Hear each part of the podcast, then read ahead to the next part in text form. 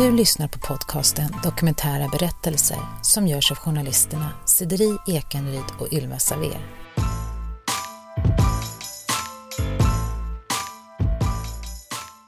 Alltså jag blev kriminell redan när jag var sex år.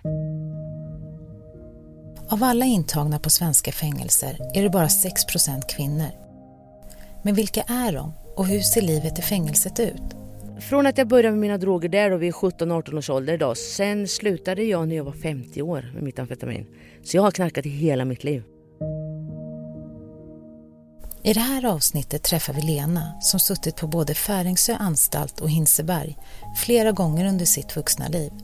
Hon ska ge oss en inblick i livet innanför murarna och berätta om hur hon hamnade där.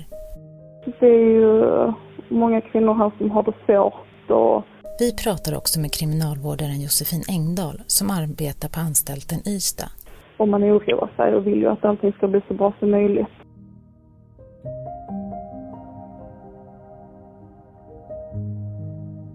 Jag eh, har eh, alltid känt mig utanför. Jag eh, har varit lite pojkflicka, lekt väldigt mycket ensam, mycket med pojkar, varit väldigt bråkig, eh, hittat på massa bus. Lena växer upp i Linköping, i ett samhälle som hon minns som idylliskt, tillsammans med två äldre bröder och sina föräldrar. Och eh, nu på, nu på vuxen ålder då så har jag ju kommit på det att jag har liksom inte fått den bekräftelsen som jag behövde som barn. Eh, jag är uppväxt med mer pengar, väldigt lite kärlek. Eh, känt mig lite utanför i familjen också då. Jag har två äldre bröder som är sex och sju år äldre än vad jag är då. Sådär. Och eh, Nej men alltså jag kan, egentligen så finns det inte så mycket på att klaga på så egentligen. Jag har fått det jag behövde kanske om du tänker det materiellt och, och sådana där saker då men inte känslomässigt.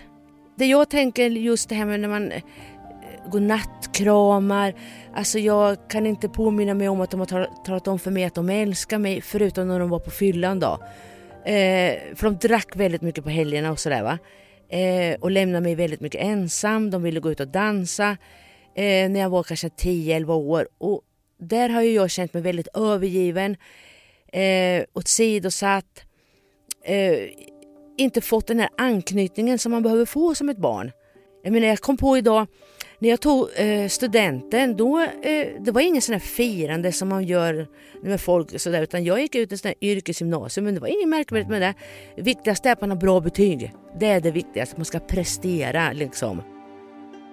Men den fina fasaden döljer också båda föräldrarnas alkoholmissbruk. Min mamma var så här att hon var fullast på alla fester.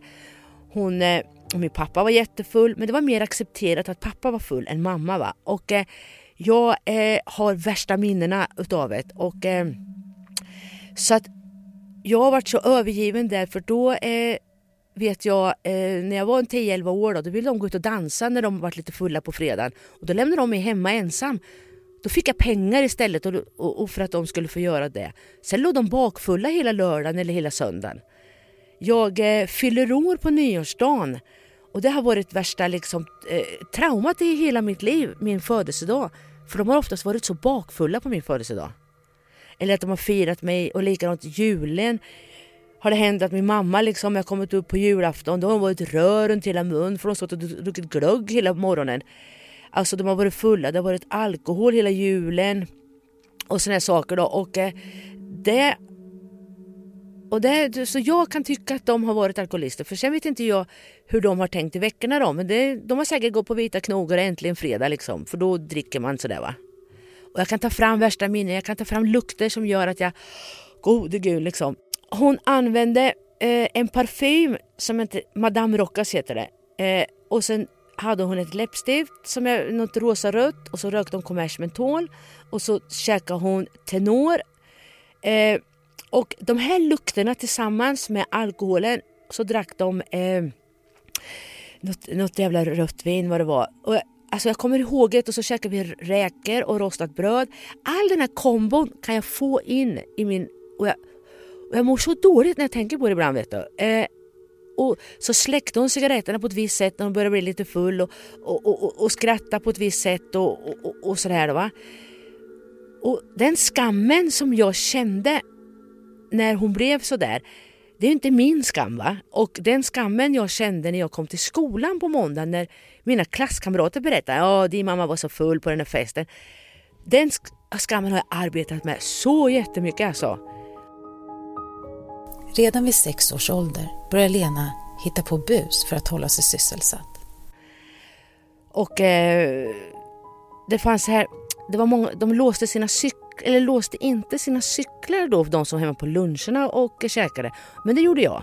Så jag låste cyklarna, grävde ner cykelnycklarna för jag hade ingenting att göra. Jag var väldigt, eh, vad ska man säga, jag behövde ha något att göra hela tiden. Jag var väldigt aktiv som barn. Och så snattade jag ju jättemycket i affärerna. Alltså. Ja, så då åkte jag ju dit för dem, men det var väl inte så farligt då. Men sen åkte vi till, jag bodde ju lite utanför Linköping då, så vi åkte till stan jätteofta. Va? Och då snattade vi ju jämt, för att jag är så pass gammal nu då, så att på den tiden så fanns det inget larm i affärerna. Så då kunde man ju skära kläder, smink, allt så. Men det var aldrig någon som upptäckte det utan det, ja, man bara fyllde fickorna. I samma period blir hon också utsatt för övergrepp av sin farfar. Något som ska komma att påverka hur hon ser på sig själv och andra. Det var ju min farfar som utsatte mig då och eh, det är ju sånt som inte har kommit fram någon gång i min familj då. Och, eh, men det där har ju följt mig.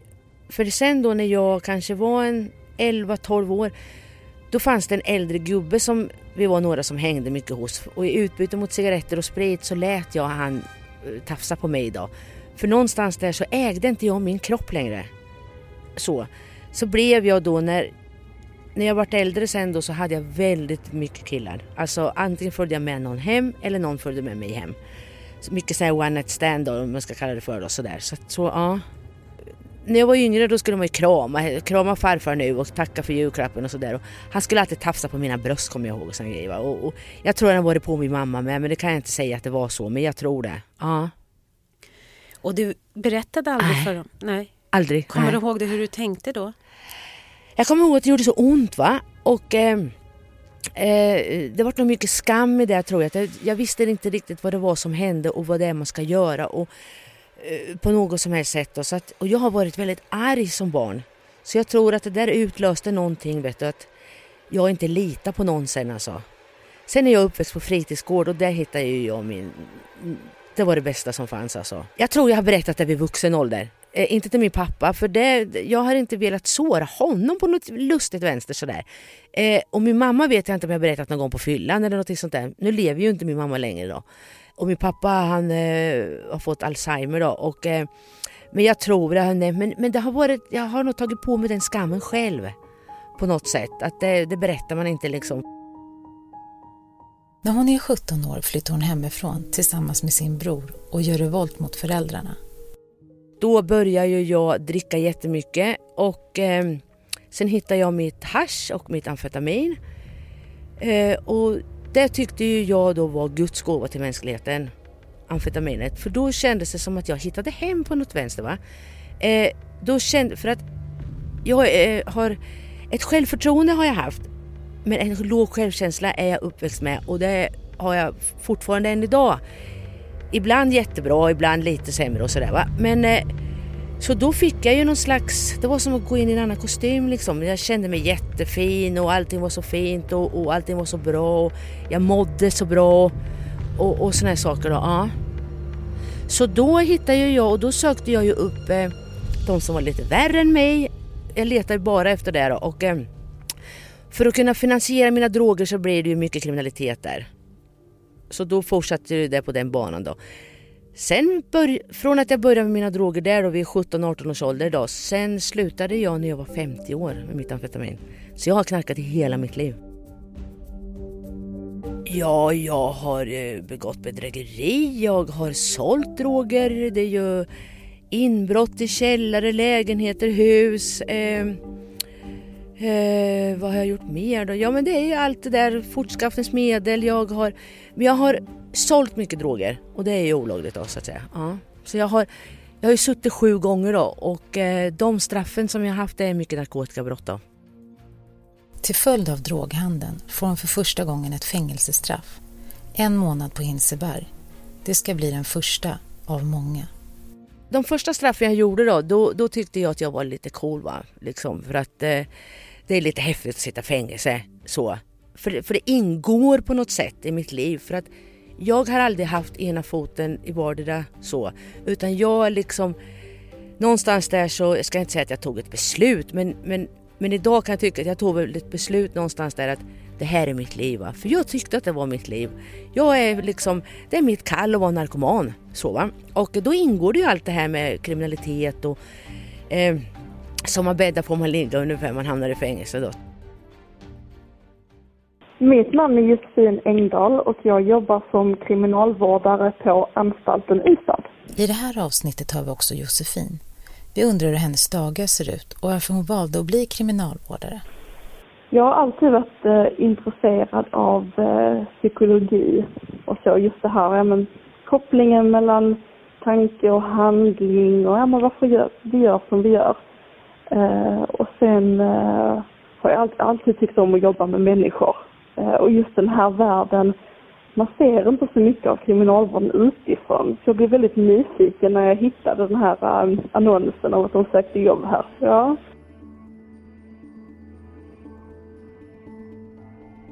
Jag har varit två gånger på Färingsö och de andra gångerna på Hinseberg då och eh, alltså jag uppmuntrar givetvis ingen att sitta i fängelse på något som helst sätt. Men jag har Alltså man, jag har bara gillat läget så att säga. Gjort det man ska göra, de här jobben, jag har rullat skosnören, jag har jobbat i tvätten, jag har jobbat ute med klippt gräs och skottat snö och allt vad det ingår. Men jag har alltså, jag vet inte, men jag har inte mått så dåligt utav det. För ibland har det varit min räddning också. För att komma från missbruket så har jag liksom kunnat andas ut, tagit det lugnt, ätit ordentligt, tagit hand om mig för att sedan gå ut igen. Eh, man ska inte titta på amerikanska filmer och tänka att det är så det svenska systemet ser ut. Eh, det var nog det jag tänkte innan jag började här, att det skulle se ut ungefär som i Prison Break. Men eh, det gör det inte. Det känns mycket mer humant här, att man verkligen värnar om eh, alltså respekten för personen och att fokus ligger på att, att vårda våra klienter. Att vi vill skapa bättre, stabilare människor som ska vara en del av samhället sen. Det handlar inte bara om att straffa personer. Sen är det absolut en del av det eh, samhällsskyddet. Men vi vill ju skapa bra samhällsmedborgare. Det är liksom fokus. Det sista straffet Lena ska avtjäna är fem år på Hinseberg.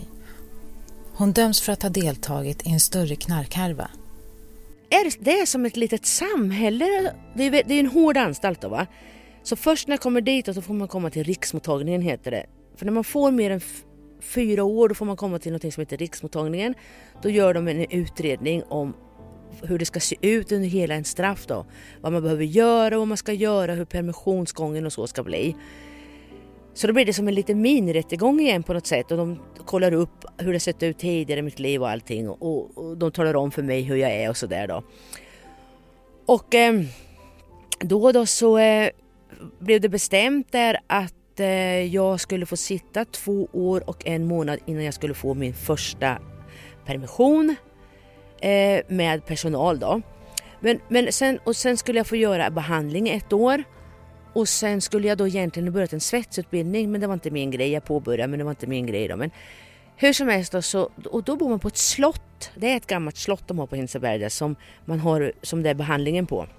Jättefint då, eh, på så sätt men det är ju celler alltså så man blir, man, eh, blir inlåst klockan kvart i sju på kvällen och så låser de upp sju på morgonen. Sen är det ju frukost då, och lunch och kvällsmat och allt sådär då. Men då satt vi i behandling halva dagarna och den andra halvan på dagarna så jobbade vi ute. Eh, och då klippte vi gräs eller vi skottade snö eller krattade löv eller körde sopor och sådana saker. Och sen, men då var vi åtskilda ifrån resten av de andra intagna. Och så fick vi underkasta oss två urinprov i veckan och då är ju det, man får ju klä av sig naken och det är allting sådär då va. Eh, men hur som helst, det här området på Hinseberg där, där har du ju en kyrka, du har ju en träningssal, du har ju liksom parkgården. där resten av de andra intagna är. Du har ju sjukvård eh, där, du har ju tandläkare, det kommer optiker.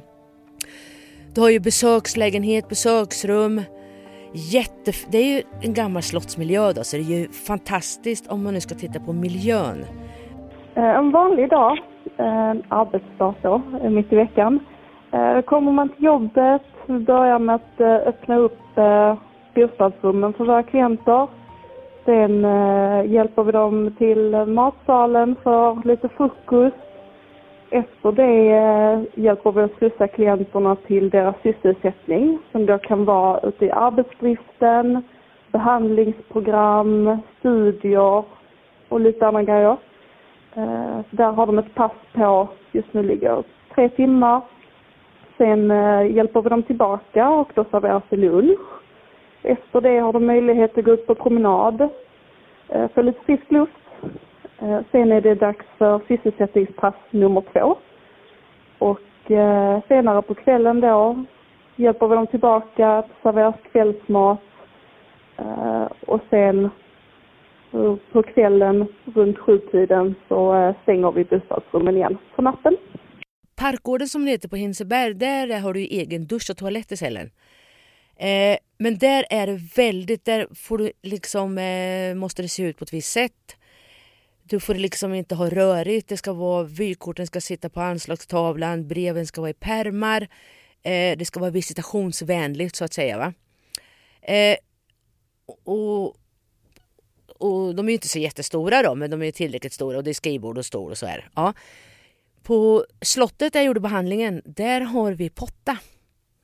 Eh, och handfat och mycket större eh, celler. Eftersom det är ett gammalt slott då.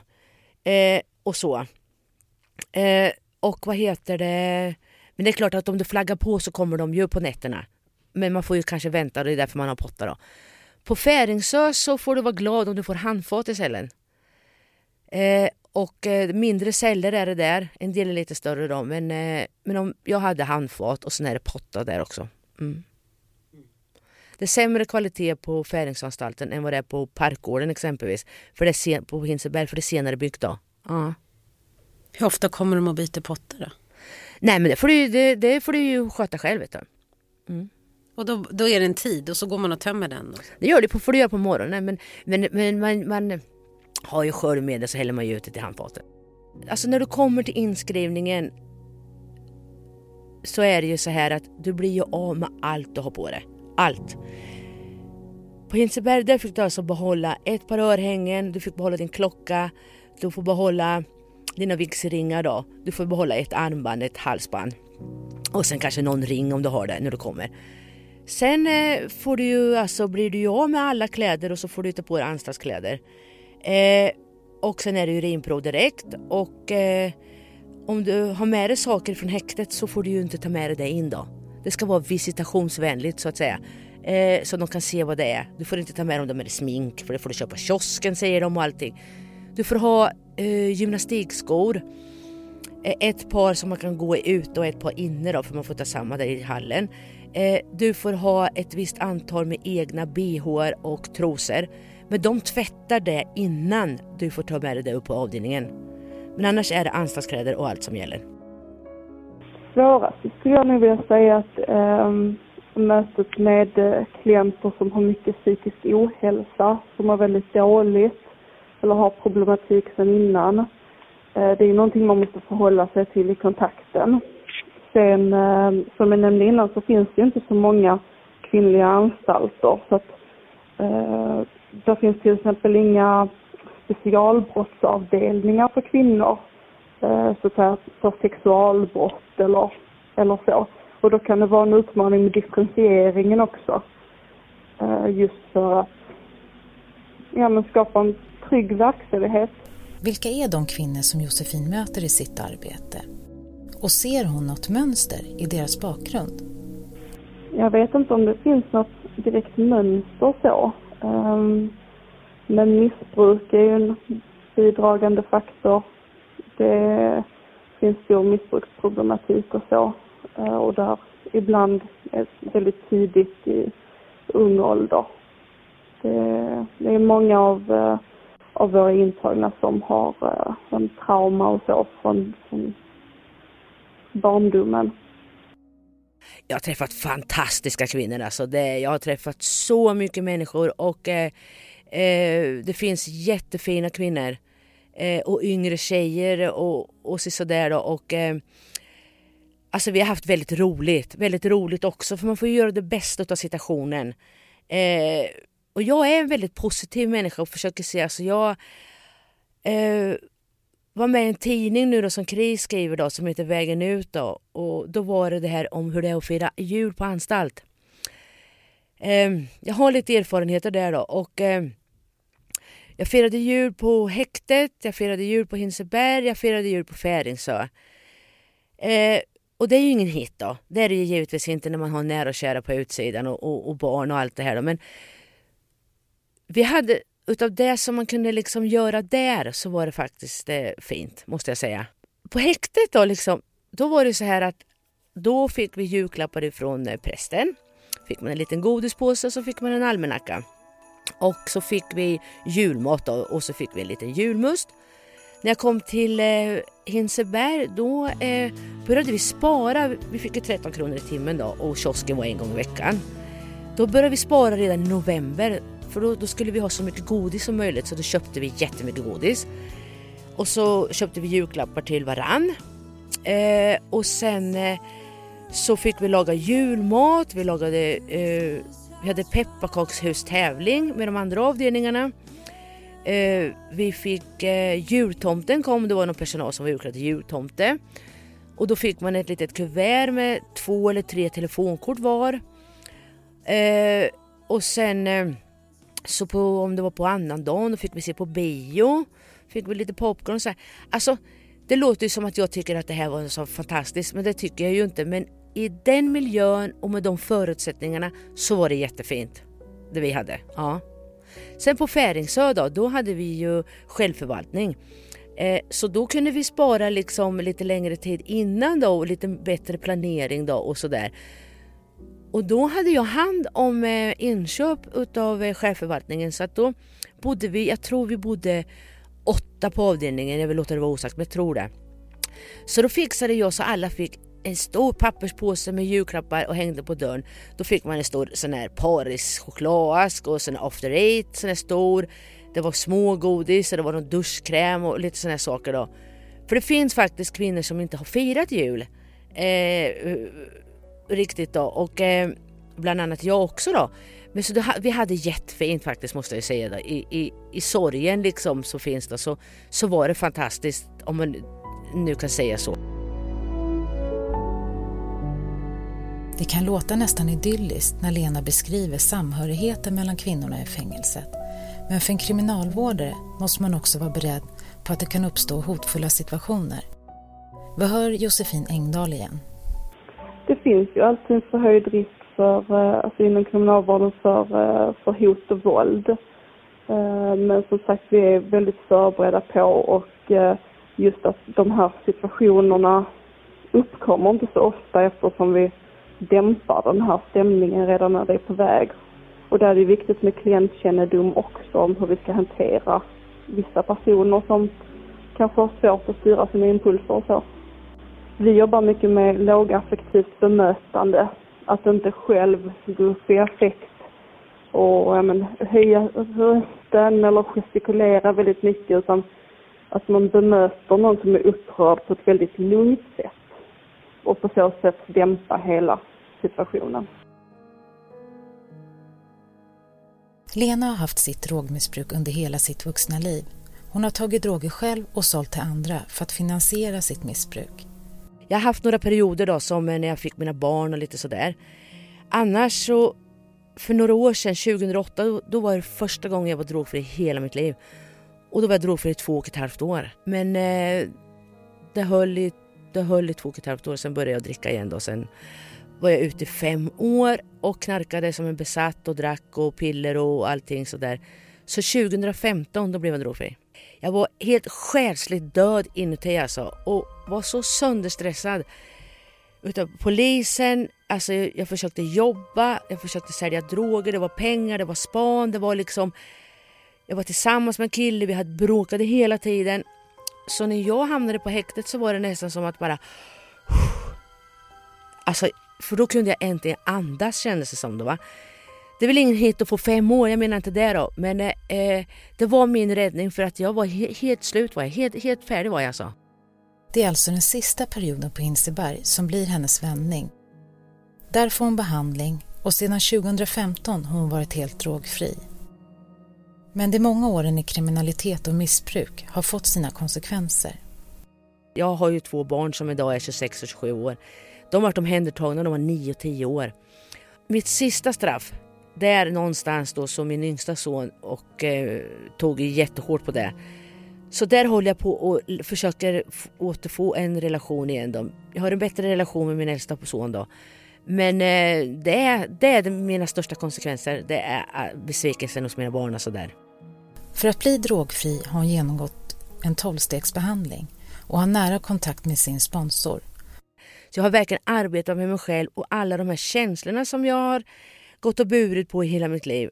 Eh, låg självkänsla, mycket skam, skam som inte är min, mycket skuld. Mycket sånt har jag arbetat jättemycket med och gör det dagligen så. En del säger ju så här att om, om det här, om diagnosen ADHD hade mm. funnits när jag var liten, då kanske jag hade fått den. Är det något som du känner igen dig Nej men alltså, eh, jag är ju lite sådär då för att jag ska absolut inte förringa människor som har ADHD. Det gör jag inte för jag är inte någon läkare eller så. Va? Men på Hinseberg då så tyckte de att jag skulle göra en ADHD-utredning.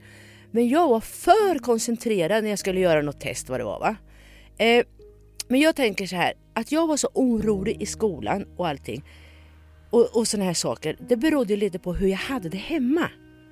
Och en del tror jag som får diagnosen, om vi säger så här, om du sitter i skolan och har jätteorolig för hur det är hemma, att din pappa slår din mamma eller din mamma eller pappa är full när du kommer hem eller någonting. Det är klart att tankarna är någon annanstans och du blir okoncentrerad.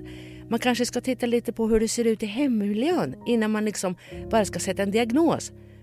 För det är många som får det på anstalter, diagnoser. Och då får man ADHD-medicin och jag är lite, och jag, nu pratar jag utifrån mig själv, är emot ADHD-medicin för det är ren, ren amfetamin man får.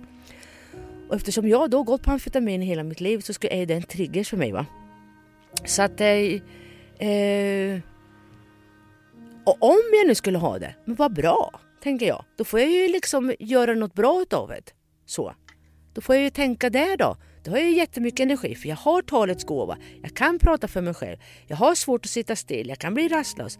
Men det har ju varit mycket att mina känslor har varit upp och ner i mitt... Jag vet inte om jag är ledsen eller om jag är arg, om jag är trött eller vad jag nu är. Idag har jag ett förstånd och kan liksom ta det lugnt. Jag försöker liksom leva här och nu och sådär det mest givande det är nog eh, när man ser eh, utvecklingen hos en klient som man har ja, man kanske träffat från början och, och sen sett liksom allting, när allting börjar ordna upp sig och hur de själva blir väldigt engagerade i alltså förberedelser inför frigivningen. Det är jättekul att se när någon verkligen tar till sig allting vi kan hjälpa dem med och, och sen, ja men blir en stabilare, bättre människa. Det är jättekul. Hon har idag en bostad och ett arbete på KRIS, Kriminellas revansch i samhället. Och det livet du lever idag? Alltså, det livet som jag lever idag, det går inte att jämföra med det livet som jag levde förut. Um, nu blir jag lite rörd. Ja, det, får, det, det är naturligt. Alltså, de som inte känner mig skulle kanske inte tro att jag levt det livet som jag lever idag. Som jag levde förut och jag lever idag. För att det är som att vända på en hand då liksom. Förut så bestod mina dagar av mina droger, min kriminalitet, bara döva allting. Eh, idag så har jag tillfrisknande, jag mår bra så gott som varenda dag. Jag är fylld av tacksamhet. Jag eh, har fått en anställning på KRIS. Jag har ett eget boende. Jag har en bra relation med mina barn. Jag har, tar fem års nykterhet i maj. Jag eh, håller på att utbilda mig till behandlingspedagog som jag är klar i 29 maj. Jag eh, eh, Alltså jag har ett liv som är så fantastiskt så det går liksom inte att beskriva. Jag kan inte hitta ett ord som gör att jag kan beskriva hur mitt, så fantastiskt mitt liv är idag. Jag är hederlig, jag är drogfri, jag är, har ett, alltså ett mående som är så fantastiskt.